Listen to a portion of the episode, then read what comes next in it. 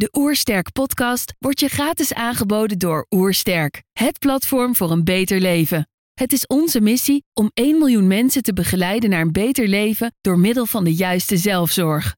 Wil je weten hoe jij kunt werken aan een beter leven? Ga dan naar www.oersterk.nu slash gezondheidscheck voor onze gratis gezondheidscheck en krijg direct jouw uitslag met persoonlijk advies. Hallo, ik ben Ingeborg Bos en je luistert naar de Oorsterk podcast.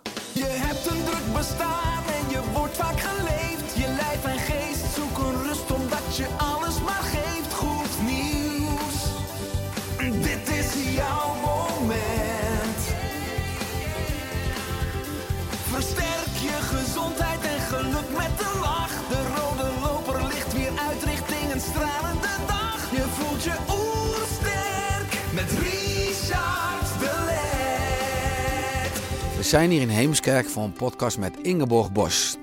Ingeborg is grondlegster van de PRI, wat staat voor Past Reality Integration. Ze is ook psycholoog en bestsellerauteur. Ik ben benieuwd naar haar tips voor een beter leven. Trouwens, geniet je van onze podcast? Abonneer je dan en laat een reactie of een review achter. Zo help je ons om het gezondheidsvirus te verspreiden. Let's start. De Oersterk Podcast. Een ontdekkingstocht naar een beter leven. Ingeborg, welkom. Dankjewel, Richard. Op de website PRI Online staat altijd op zoek naar de waarheid. En dan staat er over jou. Ze laat zien hoe universeel onze emotionele worstelingen zijn en geeft mensen de hoop terug dat er een manier is om te genezen. Hè, wat drijft jou als onderzoeker? Ja, dat is leuk dat je die vraag stelt, want ik voel me eigenlijk het meest van alles een onderzoeker. Ik ben natuurlijk het meest therapeut en dat doe ik met heel veel passie. Ik vind het fantastisch om eh, met mensen te werken en ze te helpen naar zichzelf te leren helpen. Want dat is waar PRI over gaat. En je eigen emotionele balans weer kunt terugvinden. Maar het onderzoeken van hoe het beter kan, hoe het effectiever kan, hoe het sneller kan.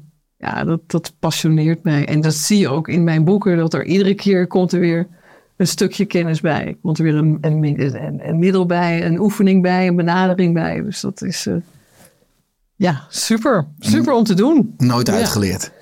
Nooit uitgeleerd. Nou, het staat in mijn nieuwe boek, wat is deze week uitkomt. Er staat in eh, een dag niet geleerd is een dag niet geleefd. En dat is het motto van mijn vader, die ik ook bedank in, eh, in mijn boek. Voor in, voor in het boek, mijn moeder ook. Maar dat is ook mijn motto. Elke dag weer leren. Er is zoveel te, te leren, zoveel te ontdekken. En dat is eh, heel, ja, heel, is een spannend avontuur. Ja, mooi, want je noemt eh, PRI en het belang van de emotionele balans terugvinden. Eh, PRI staat voor Past Reality Integration. Eh, wat zijn de basisprincipes van de PRI?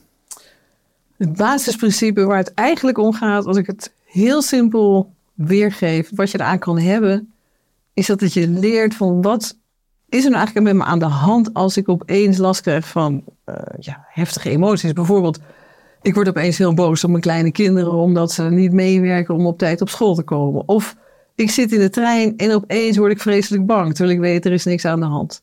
Of ik word heel erg gestrest, of ik, s word ik wakker. Veel mensen worden s ochtends wakker met een zwaar gevoel van ik moet de dag weer in, terwijl er niets eh, naars aan de hand is.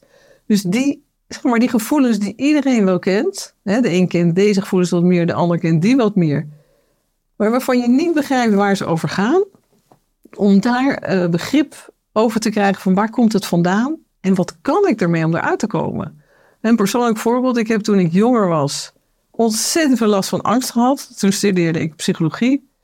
Ik was er gewoon alles bang. Op een gegeven moment zelfs om de straat op te gaan. En ik dwong mezelf wel om natuurlijk de straat op te gaan. Want ik wist, eh, thuis blijven zitten is geen optie. Maar het ergste was niet eens die angst. Het ergste was eigenlijk dat ik geen idee had van wat er aan de hand was. Ik dacht, ja, de sport ergens is, er is geen gevaar. Waar gaat dit over? Een eh, cliënt van mij, denk ik ook even aan. Een vrouw die 40, moet je voorstellen, 40 jaar lang geworsteld heeft met haar, haar problemen rondom seksualiteit. Dat was een ontzettend groot item voor haar. En ze snapte er niets van. Dus je loopt met een klacht. Je hebt geen idee waar het vandaan komt. Of met een sterke emotie. En, nog wat je eraan kan doen. Nou, dat is eigenlijk wat PRI mensen geeft. En het mooie, ik, ik praat even door. Het mooie is dat het ook vrij snel kan. Eigenlijk heb je soms al in één sessie in de intake, als je leert hoe het in elkaar zit, hoe ons hoofd werkt, hoe onze emoties, gedachten en gedrag, hoe dat samenwerkt, Hoe dat te maken heeft met wat we als kind hebben meegemaakt. Als je dat ziet, geeft het al zo'n opluchting. Je denkt, oh, ik ben niet gek. Oh, oké, dat is wat er aan de hand is. Ja, mooi, Ja. want op de website lees ik Ja. over jouw bovendien rijkse, praktische, diepgaande en wiskundig nauwkeurige instrumenten aan om dit zelf te kunnen doen. Ja. En ben je dus, eh, de- mijn eerste vraag als onderzoeker, misschien ook door je eigen angsten, ben je uiteindelijk op je eigen zoektocht tot deze instrumenten gekomen? Ja, het is eigenlijk een, een, een combinatie dat ik. eh, ik ben altijd aan het onderzoeken. Dus ik was eigenlijk al voordat ik psychologie ging studeren, ben ik al bezig geweest met allerlei Oosterse benaderingen. Dat doe ik nog steeds. De spiritualiteit is voor mij ontzettend belangrijk. Is eigenlijk voor mij de basis van alles. Dat was vanaf mijn vijftiende. En toen dacht ik, maar wat zie ik nou toch in de wereld? Er, er klopt ergens iets niet. Wat is hier nou aan de hand? Ik bedoel, we hebben het allemaal heel goed. Althans, ik zag dat als kind. Iedereen heeft het toch eigenlijk vrij goed hier. Maar zijn de mensen nou blij? Eh, stroomt het nou niet echt? En toen dacht ik, nou, dan moet ik psychologie gaan studeren. Dus die twee dingen, hè, dus die, Oosterse filosofieën, benaderingen, levenswijzen, die nu heel populair zijn natuurlijk, zoals mindfulness is nu helemaal een mainstream geworden. Maar in die tijd, ik heb het nu over, ik ben geboren in 1960, dus ik heb het over de jaren 70 was dat allemaal nog vrij hocus pocus. Wat is dat dan? Oosterse filosofie, boeddhisme en zo. Dat was allemaal lang niet in zoals nu. Dat samen met westerse psychologie. Die twee samen, dat heb ik op een gegeven moment ontwikkeld. Eerst als organisatieadviseur en toen ben ik therapeut geworden. Want ik dacht, nee, mijn hart ligt echt bij mensen helpen die problemen hebben. En toen kwam ik het werk tegen van Alice Miller. Toen kwam ik het werk tegen van Gene Jensen. En dat allemaal tezamen heeft ertoe geleid dat ik met natuurlijk de bagage van een hele grote voorgangers, want het is niet dat het opeens uit de hemel kwam vallen in mijn eh, hoofd. Dus het zijn allemaal hele groot geïnspireerde mensen geweest voor mij en dat heb ik samen kunnen voegen. En toen eh, was daar PRI in 2000, begin van deze eeuw. Ja, 2000, dat is Ja. mooi, want Ja, ehm, ik las ook in mijn voorbereiding en namen als Krishnamurti, ja hè, het boeddhisme, nou, je noemt Ja. Alice Miller. Ja. Eh, je geeft zelf ook aan dat je zelf in je psychologieopleiding allerlei angst had, waaronder Ja. straatvrees. Ja.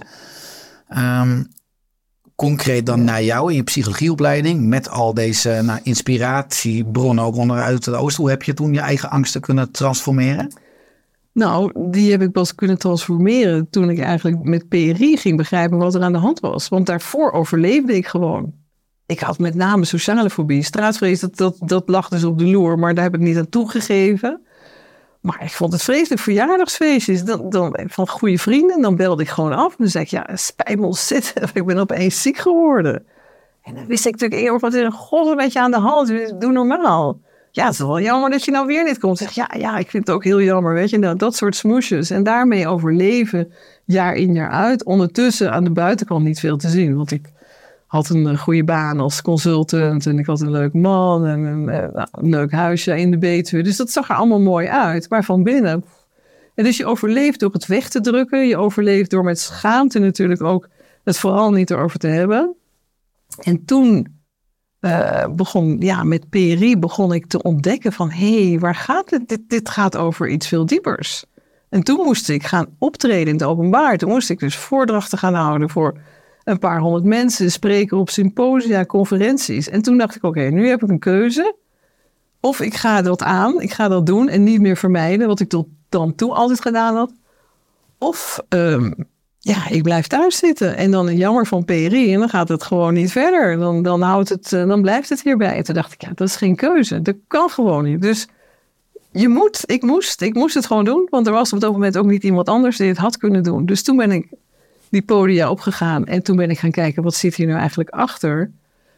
En toen kwam ik er natuurlijk, doordat ik inmiddels snapte hoe dit soort problemen in elkaar zitten, kwam ik erachter dat in mijn onbewuste zit gewoon een moeder die af en toe heel boos kan worden. Helemaal niet buiten proporties. Ik ben niet mishandeld, ik ben niet misbruikt. Eh, Maar gewoon het, het, het kleine, zo noemen ze dan het kleine trauma of de kleine T.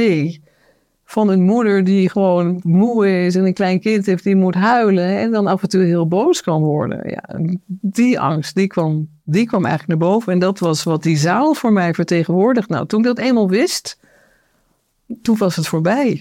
Dus het is heel bijzonder om mee te maken. Vanaf dat moment, natuurlijk heb je wel een beetje adrenaline als je weer voor een zaal gaat staan. Dat herken jij misschien ook wel. Je wordt natuurlijk wel in de loop der tijd steeds meer ontspannen. Maar je wordt niet meer, wat ik daarvoor had, dat ik dacht, liep ik zo'n zaal met 500 mensen, ik ben nog één conferentie. Ik dacht, ik zou het liefst nu, ik liep zo die zaal in, iedereen zat er. Ik dacht, ik wil het liefst nu gewoon zo weer weglopen. Maar het, ja, het kan, het kan natuurlijk wel, maar het kan ook eigenlijk niet. En dan iedere keer weer door die angst heen. Het doet me ook denken aan mensen die op het podium staan. Want jij vertelde dat je nu veel op het podium gaat staan. Heel veel cabaretiers, noem maar op, hebben gewoon hun hele leven lang een gigantische angst. Voordat ze op moeten treden, al hebben ze het honderd keer gedaan. Nou, dat hoeft dus niet. Nee, dat is Daar kan je dus van afkomen. Ja, ja want Ja. eh, PRI eh, biedt een soort toolkit om eh, innerlijke Ja. knopen te ontknopen. Hè?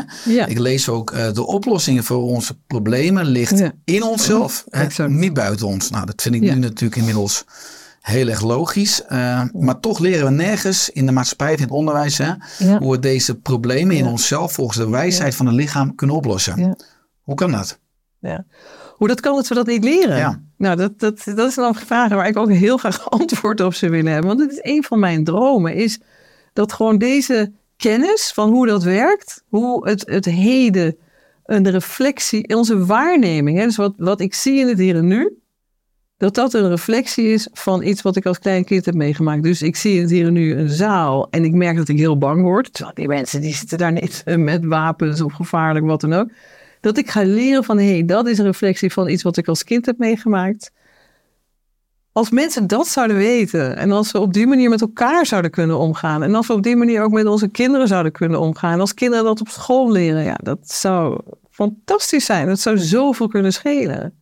Maar Ja. waarom is het nog niet zover? Ja, Richard, mijn hoop is inmiddels gevestigd op jou, want jij bent, Nou. jij bent up and coming in Nederland. Wie weet ga Ja, jij maar- mensen bereiken om dit, eh, om dit op school... Want het moet ook op scholen geïntroduceerd worden, joh. En dan het liefst al met kleine kinderen. Ik ben met mijn kinderen al, toen ze vanaf hun zesde al bezig geweest met ze dit uit te leggen. Waar ze op middelbare scholen zou kunnen introduceren. Je kijkt hoeveel jongeren lijden joh, aan depressie, aan eetstoornissen, aan angststoornissen, aan suïcidale ideeën. Dit is vreselijk.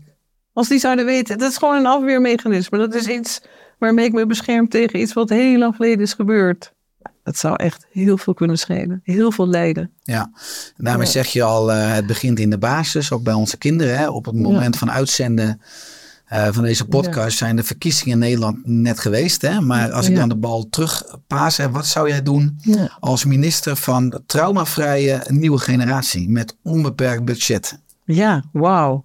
Dat is echt een fantastische vraag. Heb je even? Alle tijd, dus je Ja, ja, ja, nee, dat is, dat is natuurlijk geweldig. Ik denk dat het allereerste waar het begint is om eh, kinderen op een jonge leeftijd, in ieder geval pubers, dit uit te gaan leggen hoe dit zit. Dus het idee wat ik net al zei. Dat is denk ik stap één. Dan stap twee is dat je aanstaande ouders hiermee gaat bereiken. En dat je ze gaat laten zien hoe ongelooflijk bepalend niet alleen de eerste drie jaar, de eerste duizend dagen, hè, want dat wordt steeds meer een begrip. Hè, de eerste duizend dagen van een kind, de eerste drie jaar. Eh, probeer zoveel mogelijk aanwezig te zijn. Probeer empathisch te zijn en responsief eh, of te reageren op je kind als het je nodig heeft. Want je kunt wel aanwezig zijn, maar als je kind zegt mama, mama en je zegt ja, straks, straks, straks. Telefoon. Ja, of Ja. de telefoon natuurlijk. Dat heeft niet zoveel zin. Hè? Dus mijn formule is ARE. Wees zoveel mogelijk aanwezig. En als je er bent, probeer dan te reageren op het kind. Maar als je reageert, doe het dan empathisch. Want je kan ook zeggen, ja, ik kom wel aan. En eh, ga jezelf nou eens even... Hè? Dus die, die formule is belangrijk. Maar wat eh, nog minder bekend is, maar wat misschien wel net zo of niet nog belangrijker is, dat is die prenatale periode. Daar gaat het symposium eh, ook over, aanstaande vrijdag, de geboortenis. Wat de moeder meemaakt vanaf de conceptie, zelfs al voor de conceptie, eh, maar zeker na de conceptie. Dus de stresshormonen die in het bloed zitten van de moeder, als die veel stress heeft, met name conflicten met de partner, werkt is. gigantisch door op die baby. En dan hebben we nog de geboorte. Nou, dus ik zou graag ouders willen voorlichten over het belang van die prenatale periode. En hoe ze daarin zo stressvrij mogelijk kunnen zijn. En ook voor hun relatie. Hè, proberen daar eh, ja, handvatten te geven. Vervolgens voor de geboorte. Want de geboorte kan je zien als een imprint bij ons allemaal. En ik kom er eigenlijk achter naarmate ik langer eh, dit werk doe. Hè, dit is nu ruim 20 jaar dat ik natuurlijk met PRI bezig ben. Maar naarmate ik langer ermee bezig ben, zie ik dat die geboorte bij ons allemaal gigantisch imprint geeft. En ehm, ja, als die geboorte, als het een zachte geboorte kan zijn. Hè, Michel Audin is daar een, een voorloper in geweest. Die leeft nog steeds, is 95, staat nog steeds op podia, hoorde ik toevallig deze week. Als je die geboorte zo zacht mogelijk kan doen, dat is fantastisch voor de imprint. Dan hebben we de eerste drie jaar natuurlijk.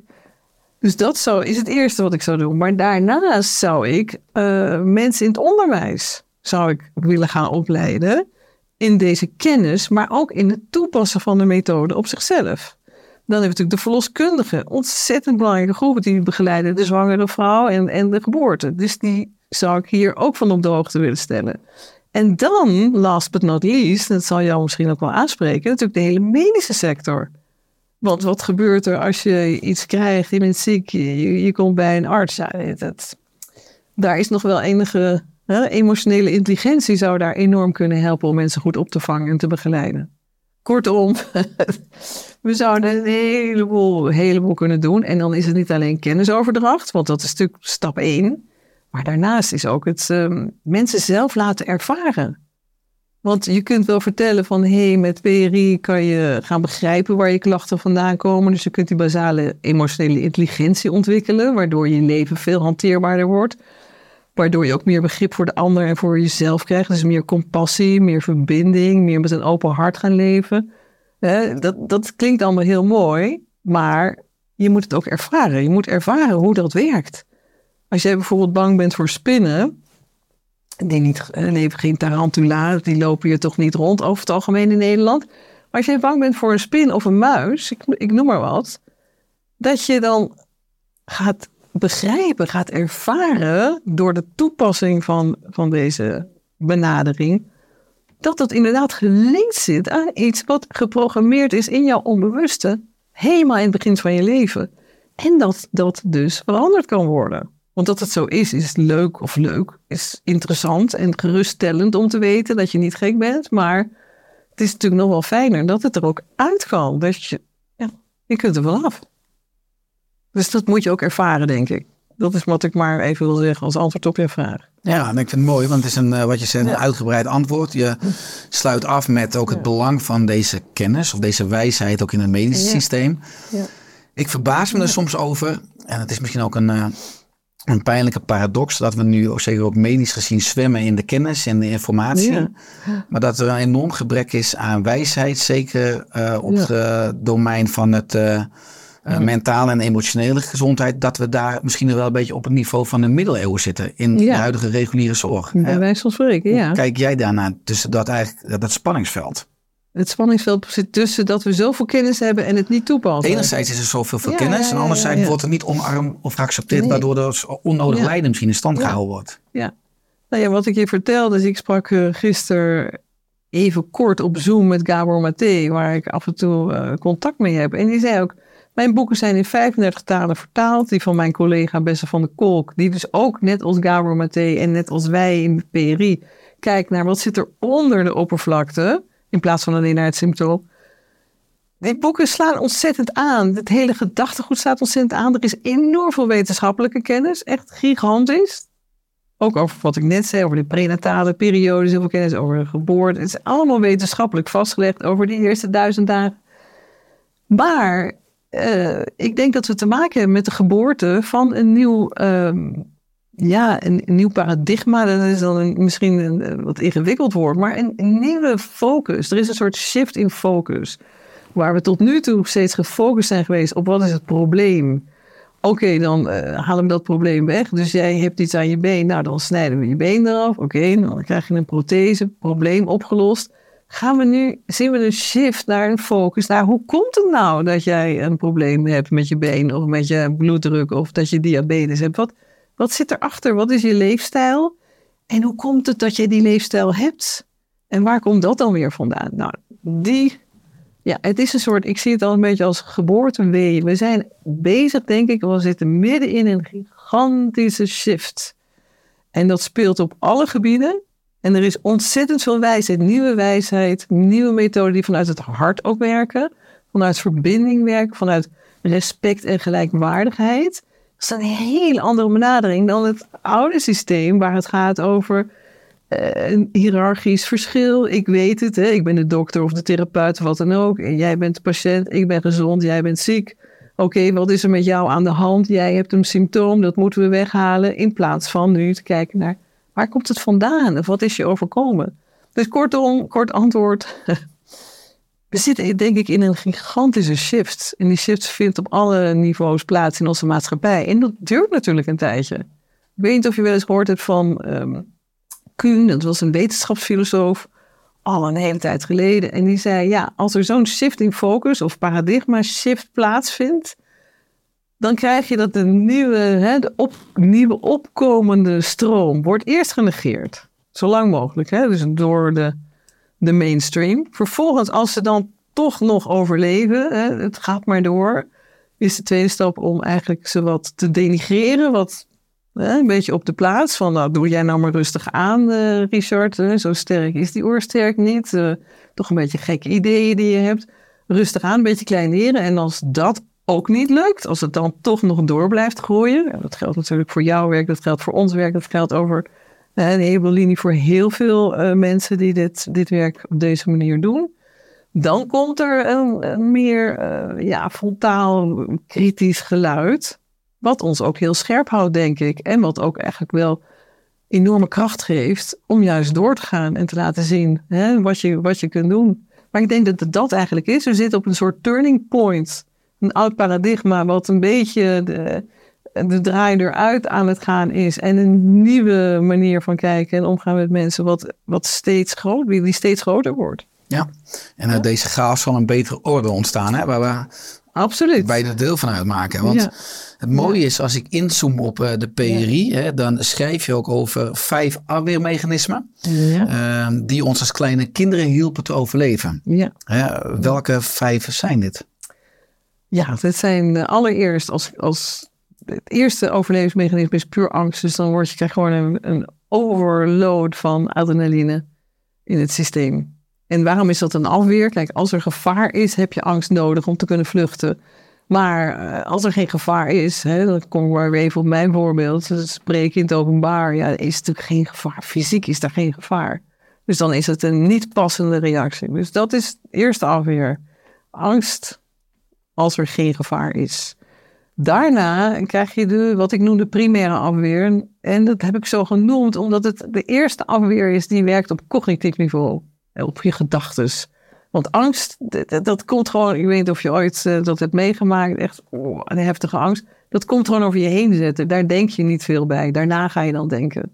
Maar primaire afweer, dat zijn alle gedachten die te maken hebben met eh, twijfelen aan jezelf. Dus dat je schuldig voelt. Het is allemaal mijn schuld. Ik heb het weer verpest. Ik heb het niet goed genoeg gedaan.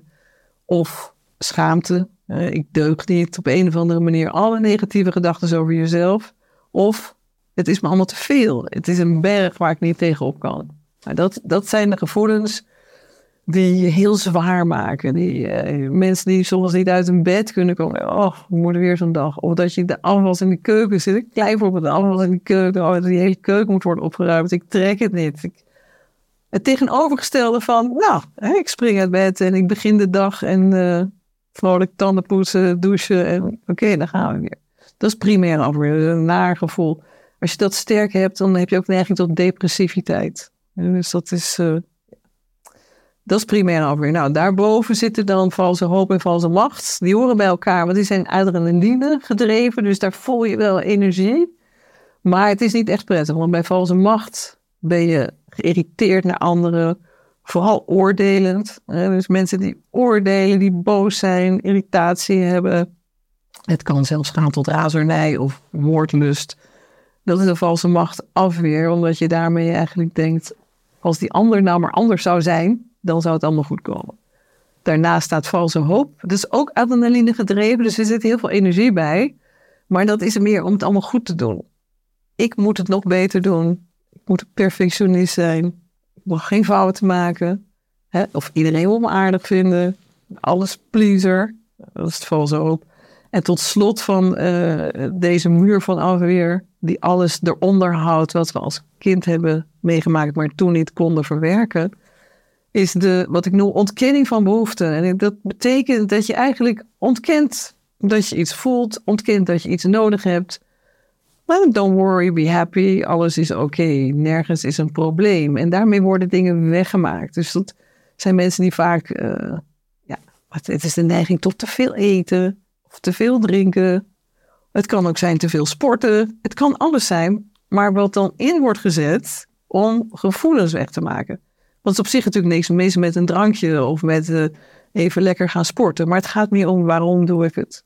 Dus dat zijn de vijf manieren waarop we van kinds af aan eh, de gevoelens die eigenlijk voor dat kleine kind als we waren, te groot zijn om te verwerken. En daarmee kunnen we ze wegstoppen. Ja, ja want ik vind treffend, want ik denk natuurlijk ook over na als voorbereiding eh, op dit gesprek, dat ze kleine kinderen eigenlijk helpen om te overleven. Ja. Maar de paradox is dat het later in je leven dus tegen je kan werken en kan blijven werken. En ik dacht daarover ook een beetje filosofisch. Hè. Ik denk, is dat een weeffoutje van de evolutie? Ja. Hè? Maar waarom is er geen ingebouwd oplosmechanisme? Nou, dit is wel echt een fantastische vraag. Want daar, dat is voor mij een vraag waar ik jarenlang maar mee bezig blijf. Ik denk steeds, hoe komt het nou? Want het lijkt wel een weeffoutje, excuse me, van God. Zijn zo gemaakt dat we alles bij wijze van kunnen overleven. Hè? Kinderen kunnen de meest vreselijke situaties overleven, dankzij deze mechanismen. Maar dan worden ze daarna dysfunctioneel. Dus wat ons eerst redden is vervolgens wordt bedreigend. We krijgen er ziektes door, we krijgen er problemen met onszelf door, met andere mensen. Hoe zit dat? Waarom is er niet een knop die dan op een gegeven moment omgaat en dat die afweren dan weg zijn en dan zouden we vrolijk in het hier en nu kunnen verder leven? Ik denk, het is natuurlijk een heel filosofisch, spiritueel vraagstuk, althans voor mij. Ik denk dat de enige verklaring is dat we hier in het leven zijn. Vraag me ook niet waarom en hoe. Maar dat we hier zijn om te leren. Komen we terug op wat we eerder zeiden. Ja, een dag niet geleerd is een dag niet geleefd. Blijkbaar hebben wij een weg te gaan. We komen ergens vandaan, denk ik, waar er eenheid was. Vervolgens dalen we af hier en eh, worden we afgescheiden. Hè? We worden ten eerste afgescheiden natuurlijk van waar we vandaan kwa- kwamen, maar we worden ook afgescheiden van de moeder. En vervolgens is het leven een pad waarin we dan weer terug kunnen groeien naar connectie. Allereerst natuurlijk met onszelf. En dan met anderen. En dan wie weet met een grotere spirituele dimensie. En wellicht is dat het pad voor ons mens. Dat we dat zelf moeten leren. En als er gewoon een knopje was wat door ergens door iemand in was geprogrammeerd wat omging. Dan hadden we dat zelf niet geleerd. Maar misschien heb jij een ander idee erover. Want ik vind het zo'n ontzettend interessante vraag. Ja, Hoe nee, zit dit? Ik denk eh, dat ik het eens ben met dat er ook nog een soort eh, keus van de ziel is. Hè, met het zielenpad om eh, de heldenreis te ervaren in dit leven. eh, waar eigenlijk niets fout kan gaan omdat het een Ja. tijdelijke transitie is. Hè, voordat we weer, weer terugkeren. gezegd, ja. Uh, maar dat vond ik ook zo mooi, want uh, ik lees dan ook over jou hè, dat er staat: Ingeborg wijdt haar werk volledig aan het onderzoeken van hoe we kunnen komen tot een liefdevolle mens zijn. Werkelijk ten volle vanuit open hart kunnen samenleven, voor, voorbij oude, overbodig geworden overlevingsmechanismen. Hè, worden de pubers hè, of kinderen, worden de kinderen 18 jaar zonder een van de vijf AB-mechanismes uh, geactiveerd te hebben? Zijn die er? Ja, zijn er mensen. We hebben allemaal last van deze vijf. AB-mechanismen. Ik denk het niet. Ik, ik heb ze in ieder geval nooit ontmoet. Nee. Nee, ik denk dat het universeel is.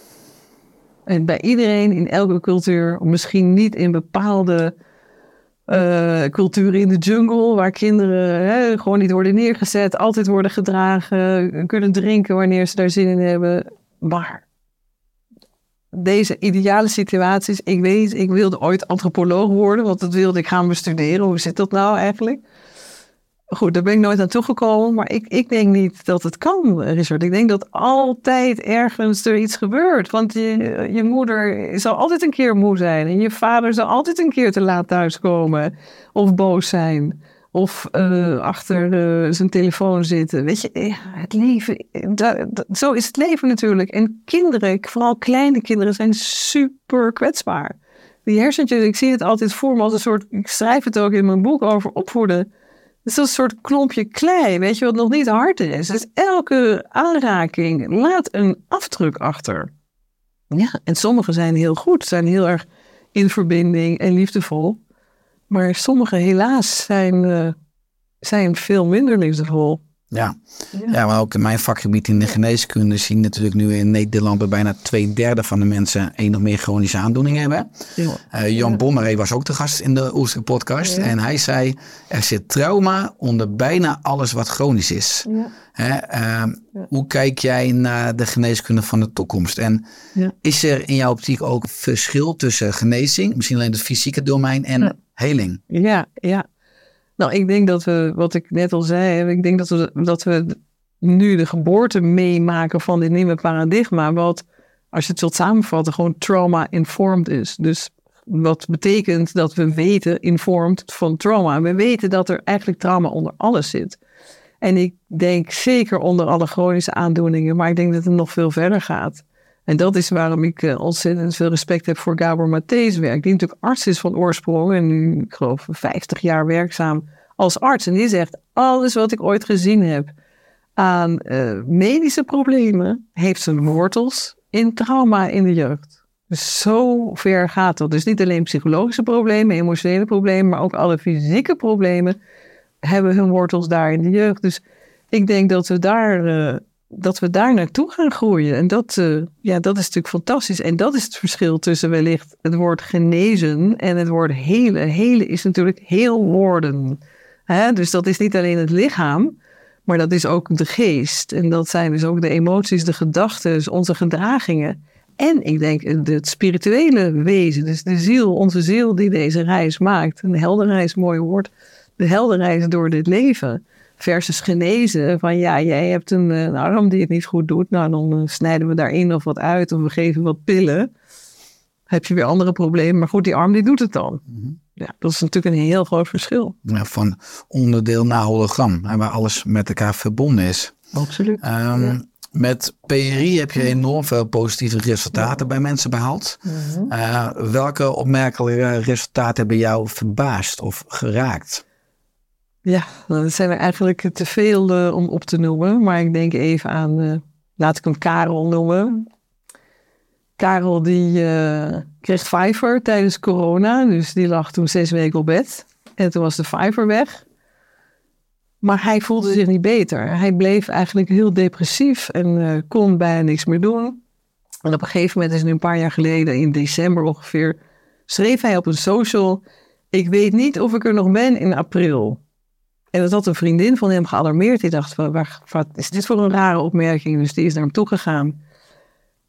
En zo kwam Karel bij mij terecht. En toen vertelde hij mij dat hij de laatste anderhalf jaar, sinds hij hè, dus genezen was, genezen van de vijver, zich door de dag heen moest slepen. Door elke dag weer, met behulp van drank, meestal sterke drank, softdrugs en regelmatig ook harddrugs, dus MDMA, eh, ecstasy en eh, nou, cocaïne geloof ik.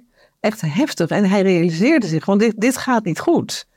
Als ik nog hier langer mee doorga, eh, ja, dat gaat helemaal de verkeerde kant op. Maar hij voelde zich zo wanhopig, dat hij begon niet wist hoe hij eruit moest komen. Nou, dat vertelde hij aan mij. Hij zat, ik zie hem nog daar zitten. Hij keek me niet aan. Ik denk, zoveel schaamte. Ik keek me staarde naar de grond.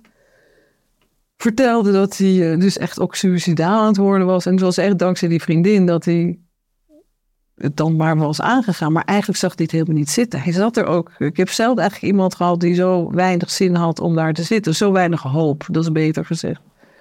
Nou, ik kan je vertellen, en het raakt me echt ontzettend als ik eraan denk, dat zelfs al na een paar maanden, de drank was de deur uit, de drugs waren de deur uit. Hij snapte wat er aan de hand was. Welke oud, welk oud programma uit zijn jeugd er was geactiveerd eigenlijk. Als jongetje was hij heel veel alleen gelaten. Dus dat, eh, die Pfeiffer en die corona samen had hem gewoon boom, in een soort tijdmachine teruggebracht naar het kleine jongetje wat hij was.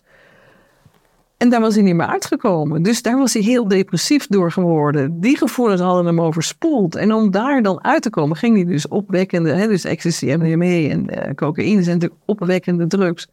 Om nog maar iets van energie te krijgen om door de dag te komen.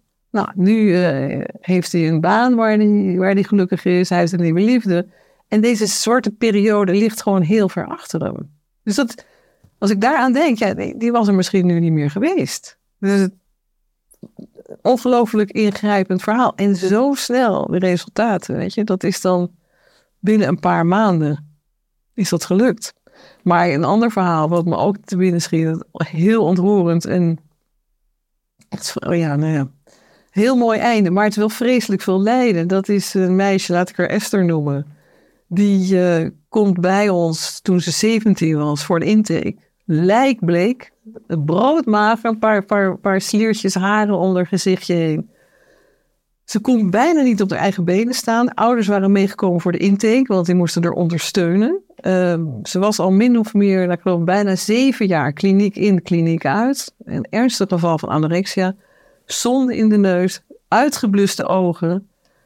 Ik, ik zie er nog zo zitten en ehm, die hebben we, ja, die is, die is PRI gaan doen. En ik geloof dat het na anderhalf jaar, na anderhalf jaar, het is onvoorstelbaar wat, wat je ziet, op een veilig gewicht. Ze straalde weer, een blof op de wangen, opleiding gaan doen, rijbewijs gehaald, stage aan het lopen. Ja, dat is gewoon een wonder. Dat is iemand die zeven jaar min of meer in, uit, klinieken, behandelingen, opnames, fixatie, isoleercellen, dwangvoeding, wanhoop. Joh. Ook die, die ouders in dat, in dat eerste gesprek wat we hadden, zeiden ook, waar, waar waren jullie? Ja, waar, ja, waar waren wij? Wij waren hier en godzijdank hebben ze die weg eh, naar ons kunnen vinden. En weet je, dat soort, dat soort voorbeelden, joh. Ik zie die, ik zie die gezichten voor me en, en dan denk je, dit, is natuurlijk zo, um, ja, wat, wat, moet ik zeggen? Ik voel me gewoon zo dankbaar dat ik dat werk kan doen. En ik ben ook zo ontzettend trots op al die PRI-therapeuten die in het hele land uh, ja, dit eigenlijk elke dag weer doen. Met allemaal van dit soort dramatische, vreselijke, vreselijk lijden van mensen. Waar dus een antwoord op is. En ook nog relatief snel. Maar het geldt ook natuurlijk voor minder. Ik bedoel, dit zijn al wel hele aangrijpende voorbeelden. Maar ik denk ook aan een vrouw die, laat ik die Janine noemen, die al twintig jaar overhoop lag met haar dochters en met haar man. En een burn-out had opgelopen omdat ze al haar tevergeefse pogingen om iedereen tevreden te houden en alles goed te doen. En die waren ingestort. En die kwam daar in, met uh, ja, een paar sessies achter dat de sleutel lag in het naar binnen kijken. En toen ontdekte ze, oh, dus in plaats van maar steeds te denken, wat uh, is er toch met mijn mama aan de hand en wat is het toch een vervelende kerel, kan ik naar binnen gaan kijken wat daar geraakt wordt. Nou, daar ontdekte ze haar eigen geschiedenis. En toen kon ze dus dat huwelijk redden, want eigenlijk stond ze op het punt om uit elkaar te gaan. Ze zijn gewoon nog bij elkaar. Ze kon ook met haar dochters weer uh, vertrouwensband uh, opbouwen. Ja, dat is ook wel heel mooi. Heel mooi. Ja, mooi hoe je beschrijft hoe deze mensen bevrijd zijn. Hè? Wat helemaal ja. aansluit bij eh, de titel van je ja. nieuwe boek. Ja, hè? Emotionele bevrijding. En op de achterflaptekst staat: Dit boek neemt je mee op een reis die je leven kan veranderen. Je leert de verborgen wereld van het onderbewustzijn ontrafelen en ontdekt dat het heden meestal verrassend onbelast is. Je zult erachter komen dat veel van je overtuigingen feitelijk projecties zijn. Door de emotionele bevrijding en compassie die dit geeft, zal een diepere verbinding met jezelf en anderen ontstaan. Het ontketent een kracht diep van binnen. De kracht van het ware zelf. En hoe kijk jij naar begrippen als, toch een beetje filosofisch, als het ware zelf, de ziel, maar misschien ook het ego? Is er overlap? Hoe zit dat ja, precies? Ja, ja, ja, ja, ja, dat is ook een mooie vraag. Ja, ik denk het ware zelf um, ligt natuurlijk heel dicht aan tegen dat wat onze ziel eigenlijk is. Dus dat is, kijk, je hebt, het, je hebt als kind, denk ik, moet je dus dat ego ontwikkelen. Nou, ik denk dat de vijf afweermechanismen is eigenlijk een concrete definitie van het ego. Want in alle spirituele boeken lezen we natuurlijk over het ego en dat willen we toch liever niet hebben. Maar wat is dan precies dat ego? Dus het ego voor mij, dat zijn echt die vijf afweermechanismen. Nou, die hebben we nodig om uh, als kind ons te redden in dit leven. Maar die verdoezelen ook een beetje. Dit is een beetje een verduistering, zou je kunnen zeggen, van wat we werkelijk zijn. dat zit daaronder. En dat kan helemaal overschaduwd worden. Hè? Stel, stel je maar voor iemand die echt depressief wordt. En ja, waar is dan nog dat, dat, die ziel? Waar is nog het licht van die ziel? Dus die afweren, die zijn nodig. Dat ego is nodig, maar dat verduistert die ziel. En als je die afweren kan afleggen, dan kan dus die ziel en het hart. Want ik, ik, zie het, ik stel me zo voor dat het hart, hè, dat is natuurlijk waar de liefde zit, maar daar zit ook de pijn, die wordt daarin opgeslagen. En de afweren, die komen daar dan omheen om dat af te schermen. Man- Ontmantel je die afweren, dan gaat het hart open. Dan komt eerst die pijn eruit die we daar hebben opgeslagen. En vervolgens kan het licht er dan uitkomen. En de liefde. En ik denk dat dat ons ware zelf is. Ja, mooi. De subtitel van je nieuwe boek is SAI, hè? De sleutel in jezelf. En SAI staat voor See Always Inside. Ja. Hè, en als we allemaal in onszelf voor emotionele bevrijding zorgen, dan leidt dit tot een van vreugde overstromend hart. En hoe zou de wereld er dan uitzien als we dit als collectief gaan toepassen, als je dan Ja. droomt? Ja, ja. Nou, ik denk een beetje zoals jij rondloopt. ja, vol met licht in de ogen. En, en, en een ontzettend, ja, vrolijk, stromend, verbonden en open hart. Ik denk ook dat ehm, iets wat heel belangrijk is erbij, is dat je heel eh, transparant kan zijn. Dus het masker wat we allemaal op hebben, dat, dat, dat kan af. Want er kan compassie en begrip zijn voor, voor jezelf en voor de ander. Ja, en dan kan er vreugde komen. Ik denk dat vreugde ons geboorterecht is. Ik schrijf ook over de, dus de Hindoe, of het Sanskriet eigenlijk, Sat Chit Ananda. Dat staat in eh, het Hindoeïsme en is in Sanskriet is dat omschreven als ons, wat we zijn oorspronkelijk. Nou, wat is het? We zijn bewust van dat we zijn en we zijn in bliss. Ananda is bliss. Dus dat is een, een, een staat van opperste vreugde, maar niet vreugde van we feesten op een, hè, met een pilletje en een, en een biertje. Nee, vreugde die van binnen uitkomt. En dat zie, je, dat zie je in de ogen, dat zie je in de levendigheid van de ogen. En de, de energie die daarin zit. En dat kan heel vredig zijn. Hè? Dat hoeft niet, eh, heeft niks te maken met, eh, met hard lachen en noem maar op. Het- Het is harmonie tot, ja, het is moeilijk te omschrijven, maar harmonie tot, eh, tot, tot tiende macht, zou je kunnen zeggen. Het is aanstekelijk ook. Ja, ja. want Ja, want als je erover gaat praten, begin ik, je ziet het Ja, ik zie het ook in jouw ogen, zeker. Ja, want het is, eh, de tijdsgeest staat natuurlijk steeds meer open voor persoonlijke ontwikkeling. Eh, heel veel mensen gebruiken ook woorden als aan jezelf werken en ook innerlijk werk. Toch lees ik ook een kopje in je inhoudsopgave met de titel Spirituele bijpas. Oh ja. Wat bedoel je hier precies mee? Ja, dat is best wel een beetje een stokpaardje voor mij. Omdat ik al tegen je zei, spiritualiteit is voor mij ontzettend belangrijk. Dus ik heb ook heel veel spirituele workshops gedaan, boeken gelezen, mensen gesproken. En, en dat gaat me altijd wel een beetje aan mijn hart. Als, je, als ik zie dat het zijn een... Het, het gevaar van spiritualiteit is dat je... Je kunt je natuurlijk heel makkelijk verbinden. Noem het dan de, de verticale verbinding met het hogere. Je kunt mediteren, je kunt je daarop afstemmen. Je kunt allerlei bijzondere ervaringen krijgen, noem maar op. Hartstikke mooi.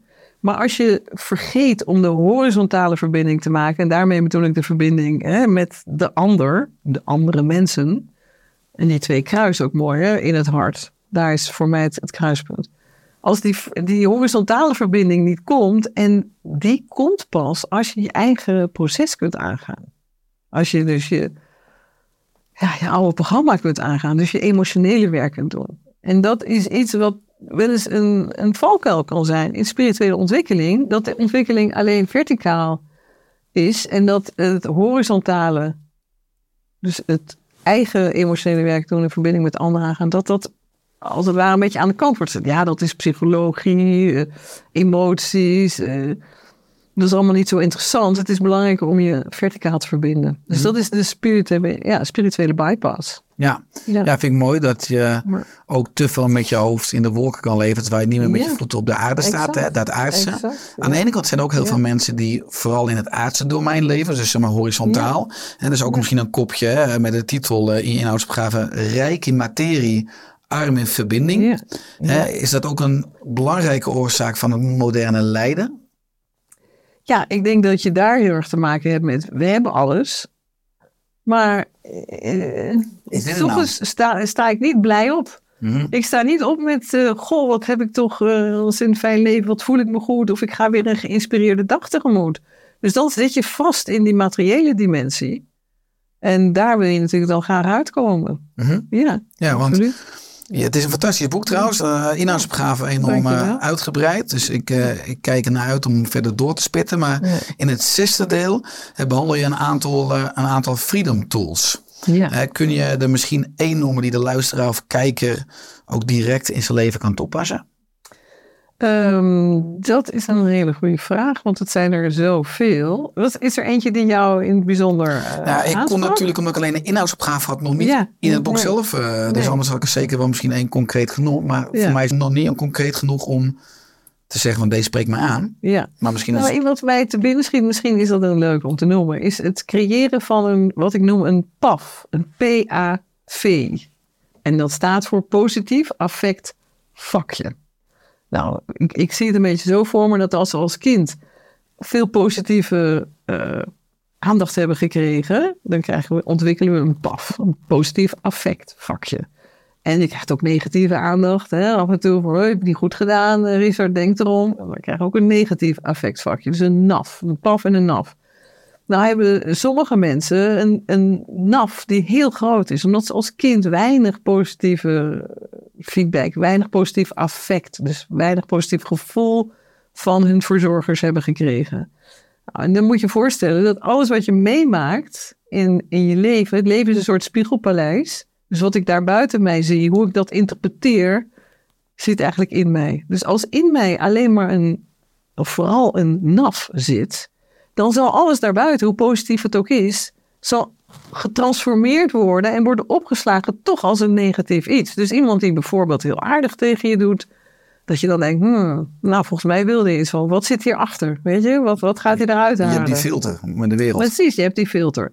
En best wel veel mensen hebben daar last van. En dat is natuurlijk heel naar, want dan kan er iets heel moois gebeuren, maar je kunt het niet voelen, want het wordt getransformeerd in iets negatiefs. Dus ik heb een oefening beschreven eh, en die heet dus het creëren van een paf. Of het versterken van een paf. Nou, en hoe je dat doet is door je voor te stellen, ga eens terug naar een recente situatie waarin er iets positiefs gebeurde. En dan kan je eventueel de hulp van iemand bij vragen als je zegt, ja, in mijn leven is alles negatief. Maar dat is natuurlijk een heel extreem voorbeeld. Dus laten we zeggen, een relatief ehm, een voorbeeld waar je zegt, nou, er was iemand was aardig tegen me. Nou, dan ga je eigenlijk heel simpel, ga je terug naar dat moment waarop die persoon aardig was. En dan vraag je je af, oké, wat zou nou de positieve bedoeling kunnen zijn geweest van die persoon? Nou, misschien vond hij het gewoon leuk om met me te praten. Dus iets positiefs formuleren en vervolgens dat met dichte ogen naar binnen laten komen. Dus je voorstellen als een energiewolk. Hè? Dus hoe keek die persoon? Oké, nou, wat voor kleur heeft die energie? Nou, misschien is het een eh, gele energie.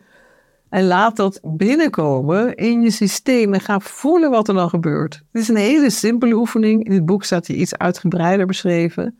Maar het kan heel veel mensen helpen. Met name mensen die dus lijden aan wantrouwen. Dat zijn er best wel veel. Of mensen die lijden aan heel veel zelftwijfel. Die dus steeds denken, ja, niemand ziet mij zitten. Of ik stel niks voor. Of wie ben ik nou eigenlijk? Dus om heel bewust die positieve ervaringen ook naar binnen te gaan halen. En in te ademen in het geheugen van al je cellen. Zodat het onderdeel wordt van wie jij bent. Ja, mooi. Want dat heeft Kan je er iets bij voorstellen? Ja, zeker. Zo beschrijven? Zeker. Ja, dat heeft een positieve invloed op het eh, mentale welzijn. Ja. Eh, nou, ik zie in de bijlages van je boek en noem je een aantal Nederlandse statistieken. Ehm, hoe is het met de mentale en emotionele gezondheid gesteld in Nederland, maar bijvoorbeeld ook breder in Europa? Je woont zelf in Zuid-Frankrijk. Ja. ja, dat is best wel schrikbarend, vind ik. Er zijn gewoon heel veel mensen die, eh, ja, die er gewoon niet goed aan toe zijn. Met, met ontzettend veel mensen die antidepressiva slikken of angstremmers slikken of slaapmiddelen nemen of aan verslavingen lijden.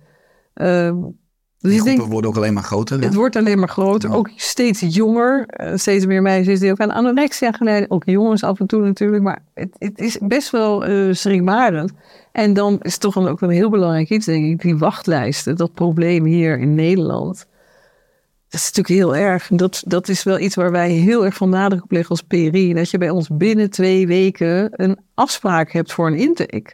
Want het kan niet zo zijn dat je heel depressief bent of eh, anderszins je heel naar voelt en dat je dan drie maanden moet wachten.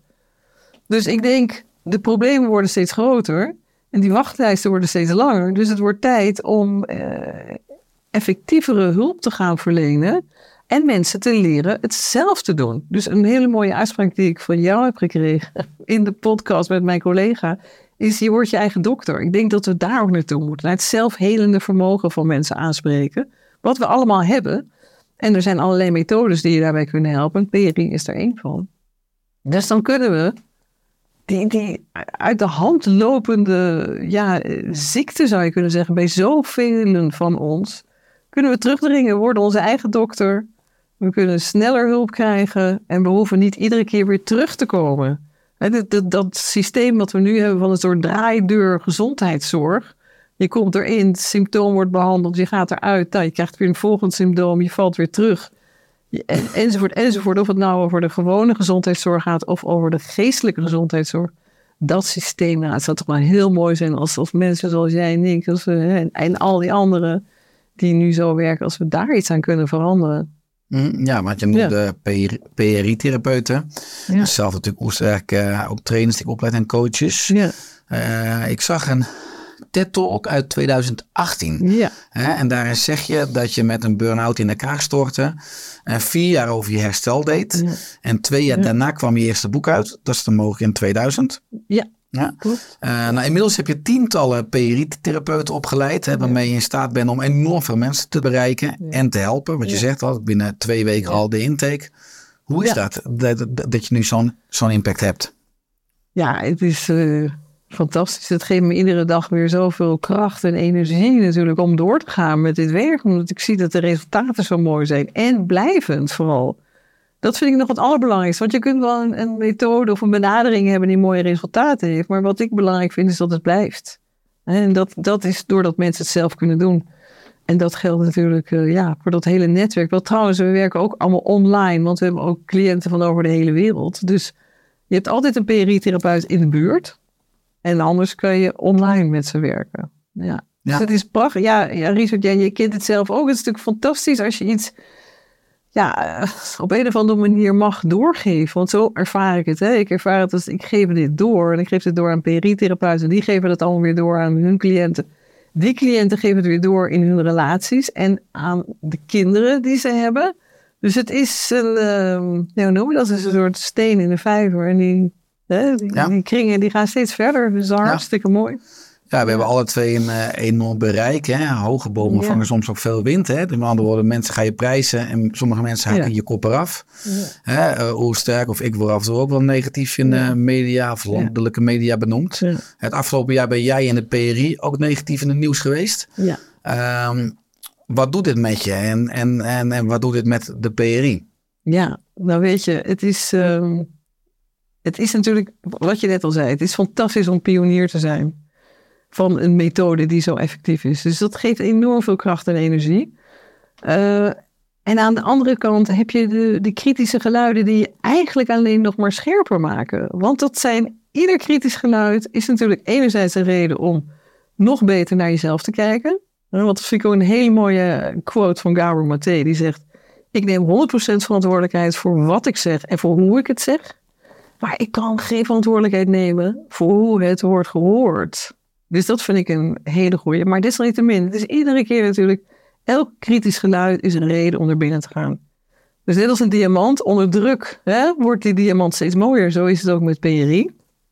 Aan de andere kant eh, houdt het het houdt ons dus scherp ook naar buiten toe. Dus om alles heel transparant te blijven doen, integer te blijven doen, onze resultaten te meten. Als een van de weinigen meten wij onze resultaten. En ik zou het fantastisch vinden als anderen ook hun resultaten zouden gaan meten. Want dan kan je gaan kiezen tussen therapieën. Kies ik voor die therapie met eh 86% succes of voor die therapie met 26% eh, slaagkans. 26% slaagkans. Dus dat is echt eh, fantastisch. Ik denk uiteindelijk is kritiek, misschien is tegenwind juist wel een enorme. Eh, ja, weet je, als je gaat, ik weet niet of je ooit gezeild hebt, maar met tegenwind kan je, als je net een beetje goed in de wind gaat liggen, kan je juist eigenlijk extra hard vooruit gaan. En dus het geeft mij ook iedere dag weer kracht om door te gaan. En als ik het soms niet meer zie zitten, want natuurlijk af en toe zijn er momenten dat je echt denkt, jongen, jongen, waar zijn we mee bezig? Maar dan hoef ik maar te denken aan Esther die ik noemde, of Karel, of Janine. En dan krijg ik er zo'n energie, denk ja, daar gaat het om. En al die PRI-therapeuten hetzelfde. Daarvoor gaan we door. Het is dus des te belangrijker om te laten zien wat we kunnen doen, wat die resultaten zijn en hoe effectief het is. Ja. Ja, Dus in die zin dankbaar gebruik maken van het tegenwind en het Ja. willen inzichten uit die negativiteit weer voor Absoluut. groeien ja, Absoluut. gebruiken. Ja. Want eh, aan het einde van de TED Talk Ja. uit 2018 zeg je dat het mogelijk is om je glazen, dus de manier waarop je naar de wereld Ja. kijkt, af te doen en je authentieke zelf te zijn.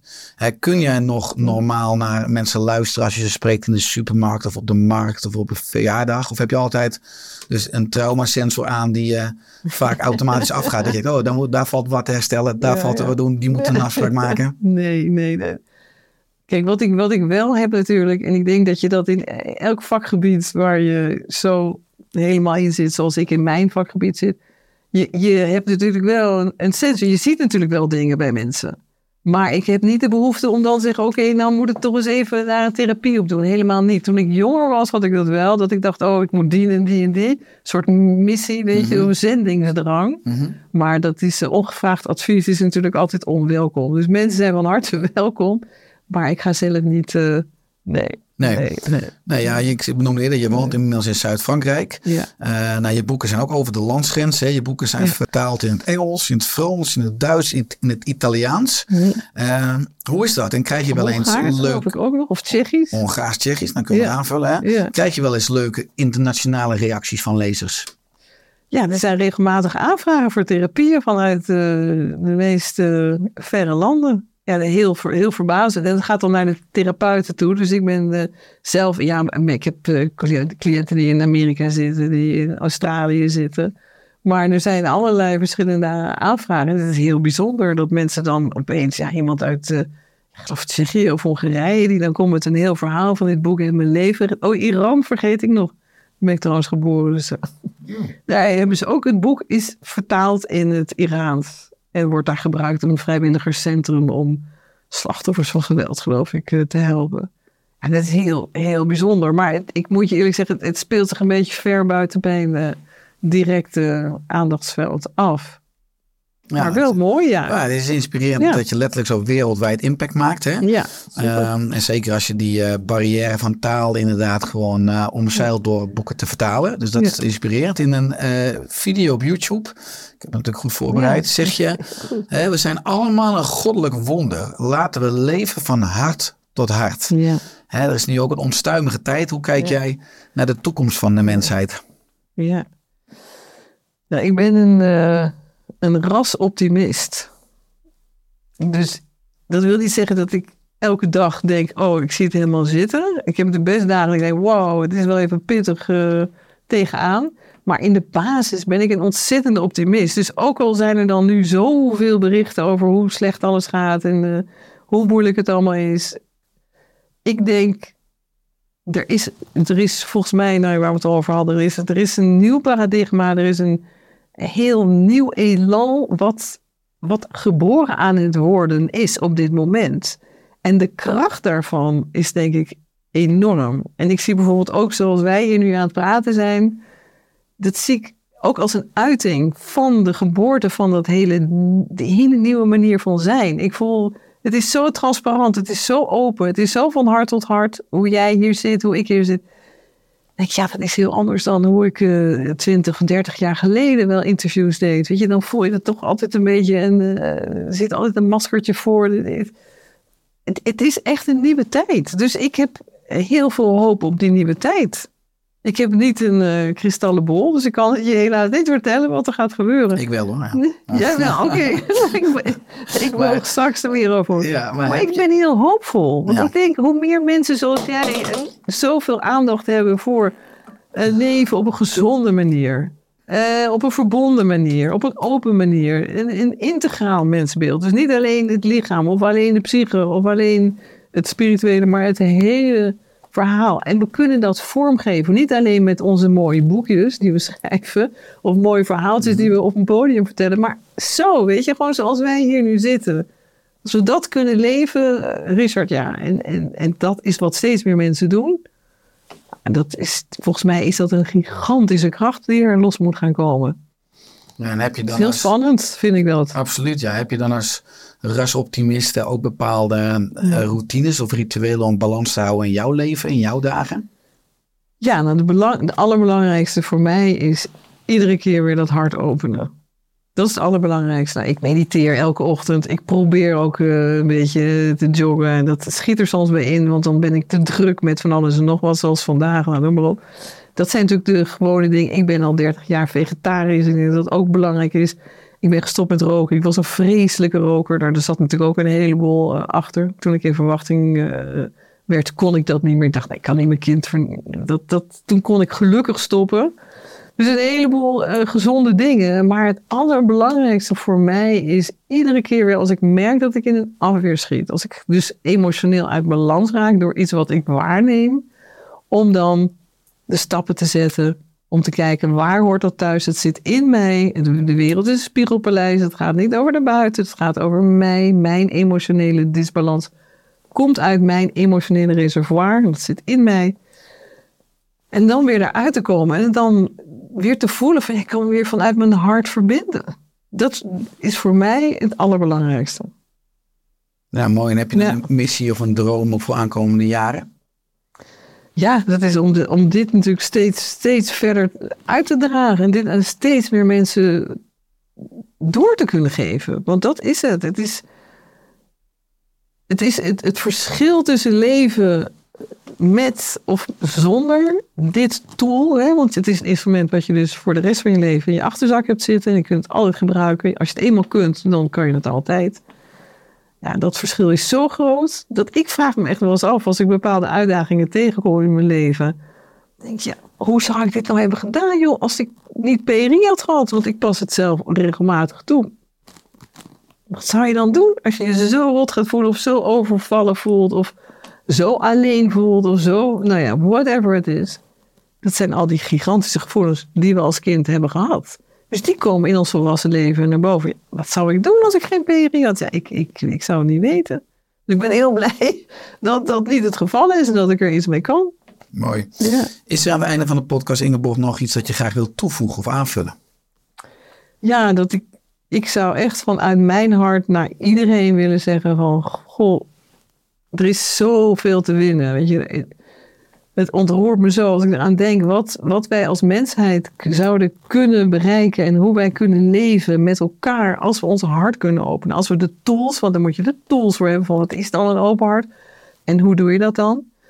Maar ik zou tegen iedereen eigenlijk zeggen van als je dat enigszins aanspreekt, deze woorden, ga alsjeblieft, zet die stappen. Hè, op wat voor manier dan ook. En iedereen heeft zijn eigen pad daarin. Kijk of je het pad kunt vinden naar het open hart en dat echt in je leven kunt gaan integreren. Dus ook naar je kinderen toe. Een stuk de toekomst, superbelangrijk. Ook in ons werk. En blijf daarvoor staan. Er is zo, denk ik, zo ontzettend veel te winnen. Voor ons ieder, allemaal samen, individueel, als planeet. Ja, open hart. Mooi. Waar kunnen mensen meer vinden over jou, over je boeken, over PRI, over de therapeuten? Ja, ik denk de beste bron is om naar de, de website te gaan, dus prionline.nl. Daar kunnen ze ook een online course vinden. Dan kan je gewoon, dat zijn afleveringen waarin ik werk met cliënten. Dan kunnen ze zien hoe ik dat doe. Dus dan kunnen ze het ook al snappen. Ze kunnen boeken lezen, mensen die van het lezen houden. Er zijn heel veel YouTube-filmpjes. Er is een TED-talk, inderdaad. Dus er is van alles, maar dat staat allemaal op de website. Mooi. Dankjewel eh, Ingeborg voor eh, je komst Ja. in de Oester podcast. Nou, dankjewel Rizzo. Dat was hartstikke leuk. Heel graag gedaan Ja. dat we samen maar mogen werken aan heel veel mensen met eh, enorme emotionele bevrijding. Ja, de open hart. Open hart. Ja, Alle goed. Jij ook. Dankjewel. Dankjewel.